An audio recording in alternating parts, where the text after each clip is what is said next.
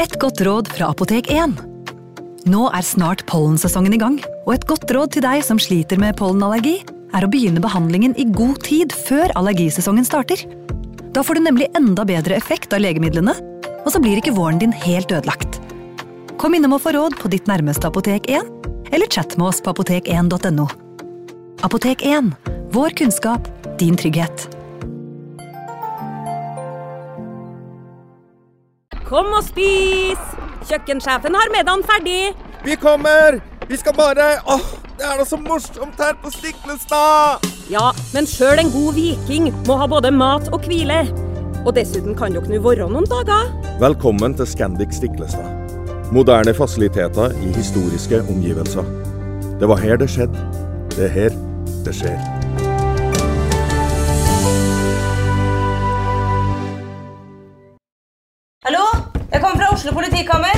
Ine Jansen er purk. Er du purk? The motherfucking bitch. Alt jeg vil, er å finne ut hva som skjedde med mannen min. Jon Carew. Er jeg sikta for noe? Iben Akeli. Det er du.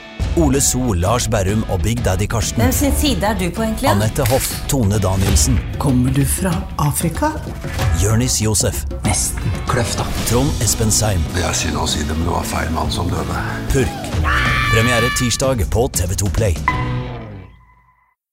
Advarsel. Historien du nå skal få høre, er basert på virkelige hendelser og inneholder flere grafiske skildringer av vold, drap og tortur. Vi advarer mot sterke inntrykk i deler av episoden.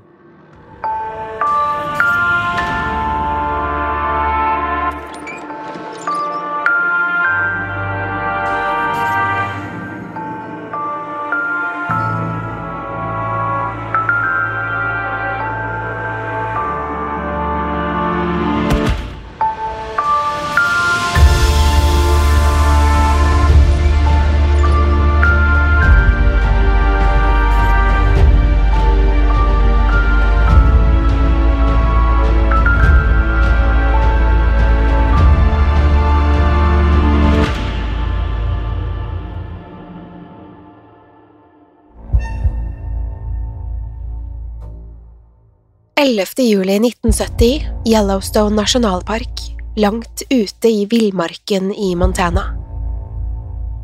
Det var en varm og solfylt ettermiddag, og sollyset glinset i det klare vannet i Yellowstone River. Mannen som sto langs elvebredden, hadde allerede fått flere fisk da han kjente at det nappet i kroken igjen. Han forsøkte å hale inn fisken, men innså raskt at det ikke lot seg gjøre. Fiskeren vasset ut i elven og gjorde snart en grusom oppdagelse. Kroken hadde nemlig festet seg i et lik.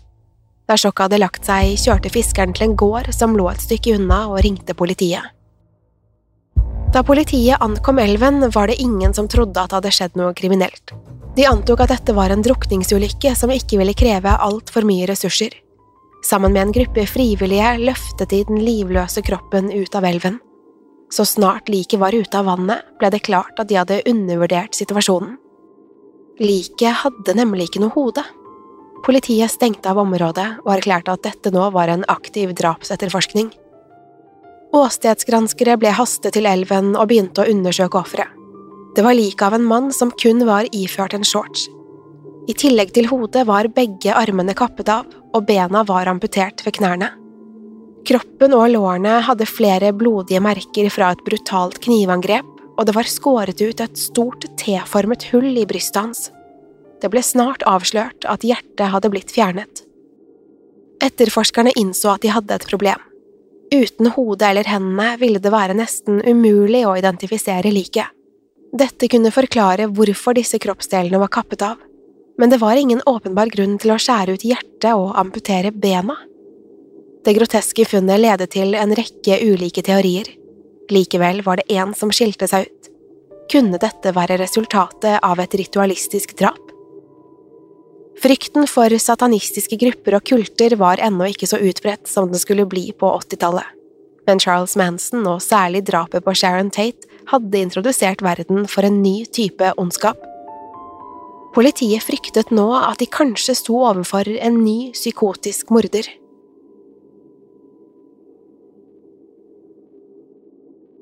Liket ble undersøkt av eksperter i håp om å avsløre flere detaljer om offeret. Men uten hode, armer eller ben var det svært lite å gå etter. Politiet kunne heller ikke gi noen beskrivelser av offeret, annet enn at det var en mann av normal høyde og hvor han ble funnet. Det var også vanskelig å fastslå nøyaktig hvor offeret hadde blitt drept. Liket hadde blitt dumpet i vannet, men strømmen kunne ha drevet liket flere kilometer nedover elven. Etter omfattende søk i og langs veien ble verken hodet eller de andre lemmene funnet. Etterforskerne var usikre på om de noensinne ville komme til bunns i denne saken, men det skulle bare gå to dager før de gjorde et gjennombrudd. Det tikket nemlig inn en melding om 22 år gamle James Schlosser. Han hadde forsvunnet og hadde sist blitt observert da han kjørte mot Yellowstone nasjonalpark. Det var nå tre dager siden noen hadde sett James i live. Han hadde ikke møtt opp på jobb, og ingen klarte å få tak i han. Etterforskerne kunne fremdeles ikke bekrefte at det var James som hadde blitt funnet i elven, men beskrivelsene av høyde og vekt kunne stemme overens med liket. Politiet etterlyste dermed bilen hans i håp om at denne kunne lede til flere svar, og politiet måtte ikke vente lenge. En snau time senere kolliderte nemlig James sin bil med en pickup på en landevei i California. Pickupen hadde bare overfladiske skader, men bilen til James var totalvraket. Det hadde vært to menn i bilen, men begge var i god behold. Ingen av dem passet riktignok til beskrivelsen av James. Mannen i pickupen beskrev de to mennene som hippier. De hadde på seg slengbukser og militærjakker, og den ene hadde langt, lyst hår og skjegg. Pickup-sjåføren visste ikke hva han skulle forvente seg, men begge mennene fremsto som vennlige. De ble enige om å kjøre til nærmeste bensinstasjon for å melde inn ulykken, men så snart de var fremme, hoppet de to mennene ut av bilen. De la på sprang, og snart så hadde de forsvunnet inn i en skog. Mannen i pickupen kunne likevel prise seg lykkelig. Da han ringte politiet, fikk han beskjed om at bilen han hadde kollidert med, allerede var etterlyst. Og de to mennene som han hadde støtt på, var nå mistenkt for drapet på James Schlosser. Politiet begynte å jakte på de to mennene, de visste hvilken retning de hadde løpt, og det skulle heller ikke ta lang tid før de ble stanset av en patruljebil. Det ble snart bekreftet at dette var mennene som hadde rømt fra bensinstasjonen. Begge ble arrestert på stedet. De to mennene ble fraktet til politistasjonen og brakt inn til avhør. En av dem kunne fortelle at han het Stanley Dean Baker. Han bekreftet hva som hadde skjedd og innrømmet at de hadde krasjet den stjålne bilen. Dette var riktignok kun begynnelsen på tilståelsen. Stanley fortalte nemlig etterforskerne at han hadde et problem. Han tok en liten pause før han lente seg tilbake i stolen og fortsatte forklaringen. Jeg er en kannibal, sa Stanley. Han begynte deretter å lete etter noe i jakkelommen. Stanley fisket ut et lite ben. Det hadde bare noen få kjøttbiter igjen på seg. Han forklarte at dette var fingeren til hans siste offer.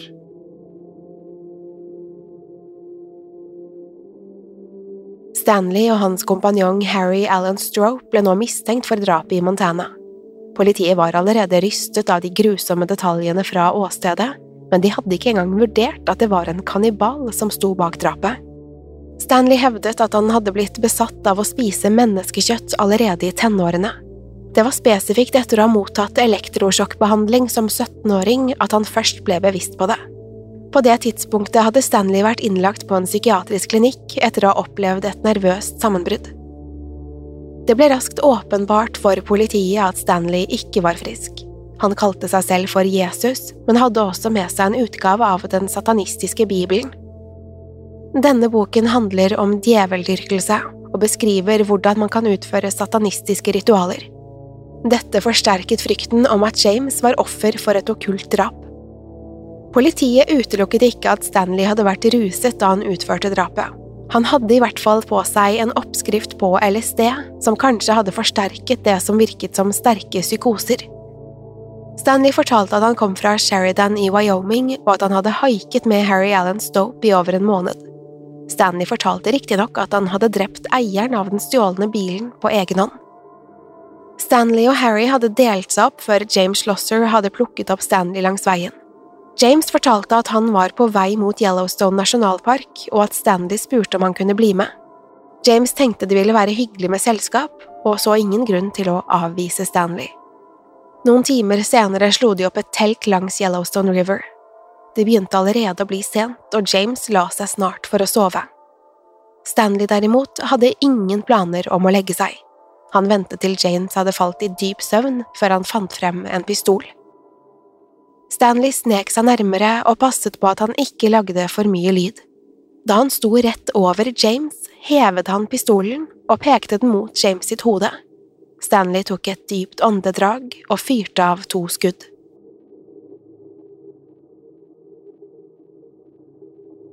Stanley fant frem en stor kniv og begynte å skjære i den livløse kroppen. Han skar og hogget seg gjennom kjøtt, sener og ben. Og etter en liten stund hadde han delt opp James i seks deler. Deretter plantet Stanley kniven sin i brystet til James.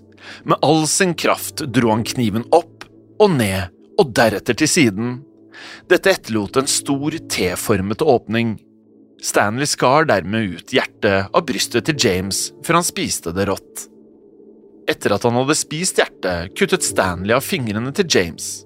Han forklarte at dette var for å ha noe å tygge på til senere. Da han var tilfredsstilt, dumpet Stanley overkroppen i elven. Han kastet også fra seg pistolen i vannet. Deretter satte han seg i bilen til James og kjørte av gårde. Stanley ble snart gjenforent med Harry, og sammen satte kursen mot California. Stanley insisterte på at Harry ikke hadde vært med på å drepe, partere eller å spise James. Etterforskerne fant snart leirplassen der James hadde blitt drept. Det var fremdeles blodflekker på bakken, og det ble også funnet en blodig jaktkniv. Politiet kunne snart bekrefte at dette var kniven som Stanley hadde brukt til å partere James. Det ble også funnet rester av ben, tenner, hud og også et øre. Helt siden liket ble oppdaget, hadde politiet mistenkt at det var et satanistisk aspekt ved drapet, og Stanley kunne nå bekrefte denne mistanken. Stanley fortalte nemlig at han var med i en satanistisk sekt som het The Four Peeve Movement. Stanley hevdet at han hadde blitt rekruttert av denne bevegelsen på et universitet i Wyoming og Stanley innrømmet at han hadde sverget troskap til lederen av sekten. Han hevdet også at det ikke var første gang han drepte på vegne av The 4P Movement.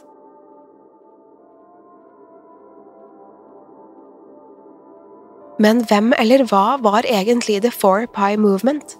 Ryktene hadde lenge gått om satanistisk kult som utførte menneskeofringer. Det ble sagt at denne kulten rekrutterte unge mennesker fra universiteter, primært i den vestre halvdelen av USA. Det eksisterer mange historier og enda flere konspirasjonsteorier om denne kulten. Mange vil hevde at Four Pie-bevegelsen aldri eksisterte, og at Stanley Baker led av alvorlige vrangforestillinger. Man er derfor nødt til å ta mye man leser med en god klype salt. Bevegelsen ble grunnlagt i California i 1967 og var en videreføring av andre sekter. Lederen av The Four Pie Movement var antakelig en rik forretningsmann som ønsket en egen hær av slaver som var villige til å drepe på kommando. Ryktene sa at medlemmene samlet seg i Santa Cruz-fjellene, og det var i nettopp dette området Stanley krasjet bilen han hadde stjålet fra James Schlosser. Fra begynnelsen av 1968 ble det funnet uvanlig mange hundekadavre i åsidene ved Santa Cruz. Hundene var sløyet og flådd og tilsynelatende tappet for blod. Det har blitt foreslått at disse kadaverne hadde blitt ofret under satanistiske ritualer. Her ble blodet som hadde blitt tappet fra hundene, drukket av kultmedlemmene. Det ble også fortalt om seremonier der mennesker ble ofret på et alter dekorert med en drage. Disse seremoniene endte med at offerets hjerte ble skåret ut av brystet før det ble spist av kultmedlemmene. Stanley fortalte at ofrene som ble drept av The Four Pie, stort sett var haikere og omstreifere. Dette var mennesker uten hjem eller familie, som sjelden ville bli meldt savnet og aldri ville bli sporet opp. Da ritualene var over, ble levningene etter ofrene kremert for å fjerne bevisene etter menneskeofringene. Visstnok hadde kulten sitt eget krematorium som var bygget på et lasteplan. I 1969 delte kulten seg i to grupperinger. Den ene gruppen ville fokusere på orgier og kinky sex fremfor satanisme og okkulte ritualer, men den andre gruppen ønsket å fortsette å ofre mennesker. Det har blitt hevdet at kulten hadde over 1000 medlemmer i USA innen 1979. Four Pie spredte seg til østkysten av USA, hvor det har blitt foreslått at en annen kjent seriemorder ble rekruttert. Four hadde alltid en spesiell tilknytning til hunder, særlig schæfere og dobbermanner som ble brukt under ritualene. Mellom 1976 og 1979 ble det funnet 85 hundekadavre i New York. Samtlige av disse var schæfere eller dobbermanner, og flere av dem hadde blitt flådd og tappet for blod. David Berkowitz, som skulle bli kjent under navnet Son of Sam, var også besatt av disse hunderasene. Berkowitz drepte seks mennesker mellom 1976 og 1977, og ble også koblet til Four Pie-kulten. Han hadde blant annet kjennskap til et drap som angivelig var utført av Four Pie i California. Berkowitz skal ha vært fascinert av både Charles Manson og kulter. I en bok om okkultisme og heksekunst hadde han markert flere avsnitt som omhandlet nettopp Manson og Four Pie. Berkowitz hadde også skrevet en kryptert beskjed på en av sidene. Han refererte her til Arliss Perry, en 19 år gammel jente som ble drept i en kirke ved universitetet i Stanford, California. Jaktet, forfulgt og slaktet, skrev Berkowitz. Etterfulgt av en oppdatering om å ta kontakt med sheriffen i Santa Clara for å spørre hva som skjedde med Arliss.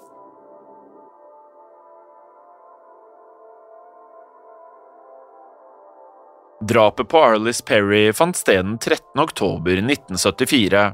Hun ble funnet naken i kirken. Benene hennes var spredt fra hverandre, og armene hennes var foldet over brystet. Et alterlys hadde blitt ført inn i kjønnsorganet hennes, og et annet lys var plassert mellom brystene hennes. Buksene hennes var brettet ved føttene i en slags diamantform. Arlis hadde blitt slått og kvalt og stukket med en ishakke bak øret. Det var ingen tegn til verken kannibalisme eller at hun hadde blitt tappet for blod, men etterforskerne fryktet likevel at dette var et ritualistisk drap. Dette grusomme drapet ble aldri oppklart, Charles Manson skal også ha vært tilknyttet 4P, og Manson skal ha blitt omtalt med samme tittel som lederen av sekten. Susan Atkins var en av Mansons aller mest trofaste følgere. Hun tok blant annet del i Tate LaBianca-drapene. Susan hevdet at Manson-familien ofte utførte satanistiske ritualer, og flere av disse gikk ut på å slakte og ofre hunder. De mange koblingene har ledet til teorier om at Charles Manson var lederen av 4P. Dette har riktignok blitt avvist av flere eksperter. David Berkowitz nevnte Frederick Cohen som et annet medlem av sekten. Cohen var en amerikansk nazisympatisør som i 1977 drepte fem personer. Etter å ha kranglet med sjefen møtte Cohen opp på jobb og begynte å skyte vilt rundt seg.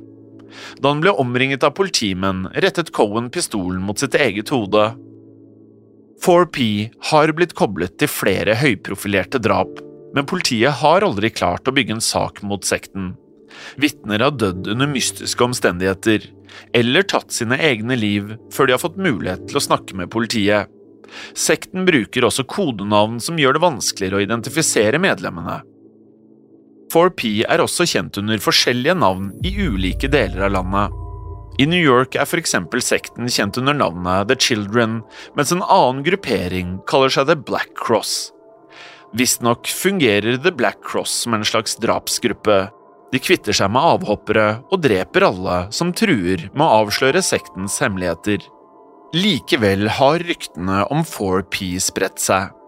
I tillegg til satanistiske ritualer og offerdrap har gruppen blitt koblet til slaveri, barnepornografi og narkohandel.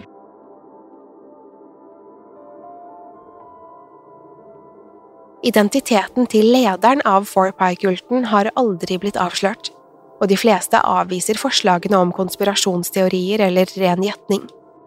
Men det har blitt foreslått at Roy Alexander Radin ledet New York-avdelingen. Radin var en teaterprodusent som flyttet til California i 1982. Han jobbet med filmen The Cotton Club da han i 1983 ble skutt 27 ganger i hodet. Liket hans ble etterlatt i Death Valley. Etter å ha blitt arrestert for drapet på James Losser avslørte Stanley Baker en rekke detaljer om Four Pie. Han fortalte blant annet om menneskeofringene som hadde blitt utført i Santa Ana-fjellene sør for Los Angeles. Stanley viste også frem en rekke tatoveringer som han mente var knyttet til kulten. En av Stanleys tatoveringer var riktignok et hakekors. Stanley hadde allerede hintet om at James ikke var hans første offer, og han begynte snart å fortelle om drapet på Robert Salem i april 1970. Robert var en 40 år gammel lampedesigner fra San Francisco som trolig ble valgt ut på grunn av etternavnet sitt. Salem var som kjent et åsted for hekseprosessene på slutten av 1600-tallet. Robert Salem hadde blitt drept i et grusomt knivangrep. Han var blitt stukket 27 ganger, det venstre øret var kappet av, og hodet var nesten fraskilt fra kroppen. Stanley hevdet at dette drapet ble utført etter ordre fra lederen av 4Pie. Stanley kunne også fortelle at han brukte Roberts blod til å skrive ordene Zodiac og Satan Saves på veggene. Han mente at dette var for å skape panikk ved å henvise til Manson-drapene. Samtidig gjorde valget av ordet Zodiac at dette ble sett på som et forsøk på å kopiere Zodiac-morderen. Drapet på Robert Salem ble aldri oppklart. Stanley Dean Baker og Harry Allen Strope ble utlevert og stilt for retten i Montana. Selv om Stanley hadde tatt på seg skylden for drapet på James Schlosser, var mange overbevist om at Harry også hadde spilt en rolle. Det var mange hull i forklaringen deres, og Harry skal ha gått rundt med en av James sine fingre i jakkelommen sin. Stanley ble sendt til en psykiatrisk klinikk hvor han ble vurdert av flere eksperter. Det var ikke noe åpenbart motiv for drapet. James var etter alt å dømme et helt tilfeldig offer som endte opp med å slippe en sadistisk morder inn i bilen sin. James Schlosser var altså bare på feil sted til feil tid. Bortsett fra et ønske om å spise James forklarte aldri Stanley hvorfor han hadde partert liket.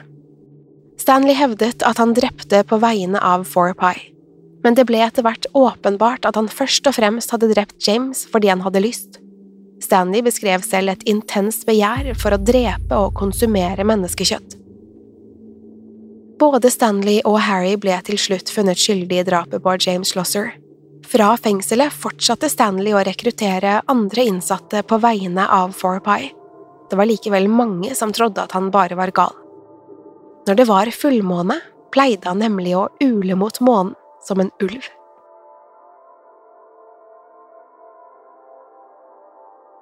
Sannsynligvis dro Stanley ut i villmarken for å drepe, og han ville trolig ha gjort det samme uansett hvem som stanset og slapp han inn i bilen. Kanskje var Stanley først og fremst ute etter penger. Han endte i alle fall opp med å rane James, som hadde med seg over 500 dollar i kontanter. Uansett hva som var motivasjonen, så klarte ikke Stanley å motstå fristelsen, Stanley hevdet selv at han elsket smaken av menneskekjøtt, og dette var neppe første gang han spiste et menneske. Stanley valgte ut å skjære og spise James sitt hjerte, noe som igjen ledet til sammenligner med ritualistiske drap. Kanskje var det under en satanistisk seremoni at Stanley først opplevde kannibalisme. Med 500 dollar i lommeboken var det åpenbart ikke bare sult som fikk Stanley til å spise James. Stanley kom med en rekke uttalelser under rettssaken som fikk mange til å reagere. Det ble etter hvert vanskelig å skille mellom sannhet og vrangforestillinger. Stanley sammenlignet seg med Jesus, men tok også på seg skylden for Jimmy Hendrix' dødsfall. Han fortalte også at han hadde vurdert å drepe Harry Stroop. Men Stanley nektet å svare da han fikk spørsmål om drapet på Robert Salem. Harry Stroop satt i fengsel i to år, mens Stanley skulle sone i 16 år. Da Stanley slapp ut, returnerte han til Wyoming. Her levde han et rolig liv frem til sin død i 1994. Vi skriver Stanley Dean Baker inn i vår bok av syndere.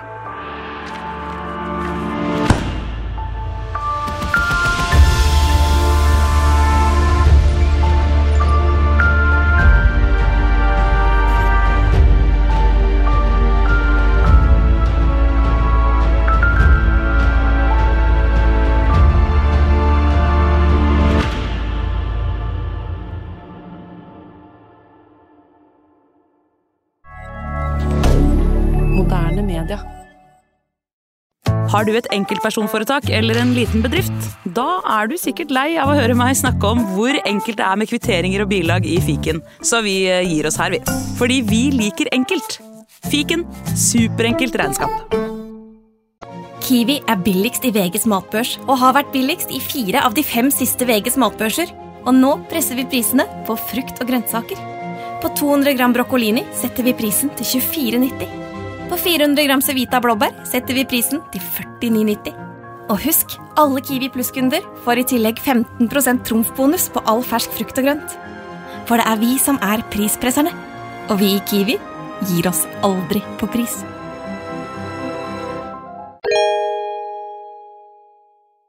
Hei, takk for at du lytter til Synderne. Skulle du ønske at du kunne høre en ny episode av denne podkasten hver eneste uke? Vel, da er det bare å laste ned podkastappen Untold med en gang.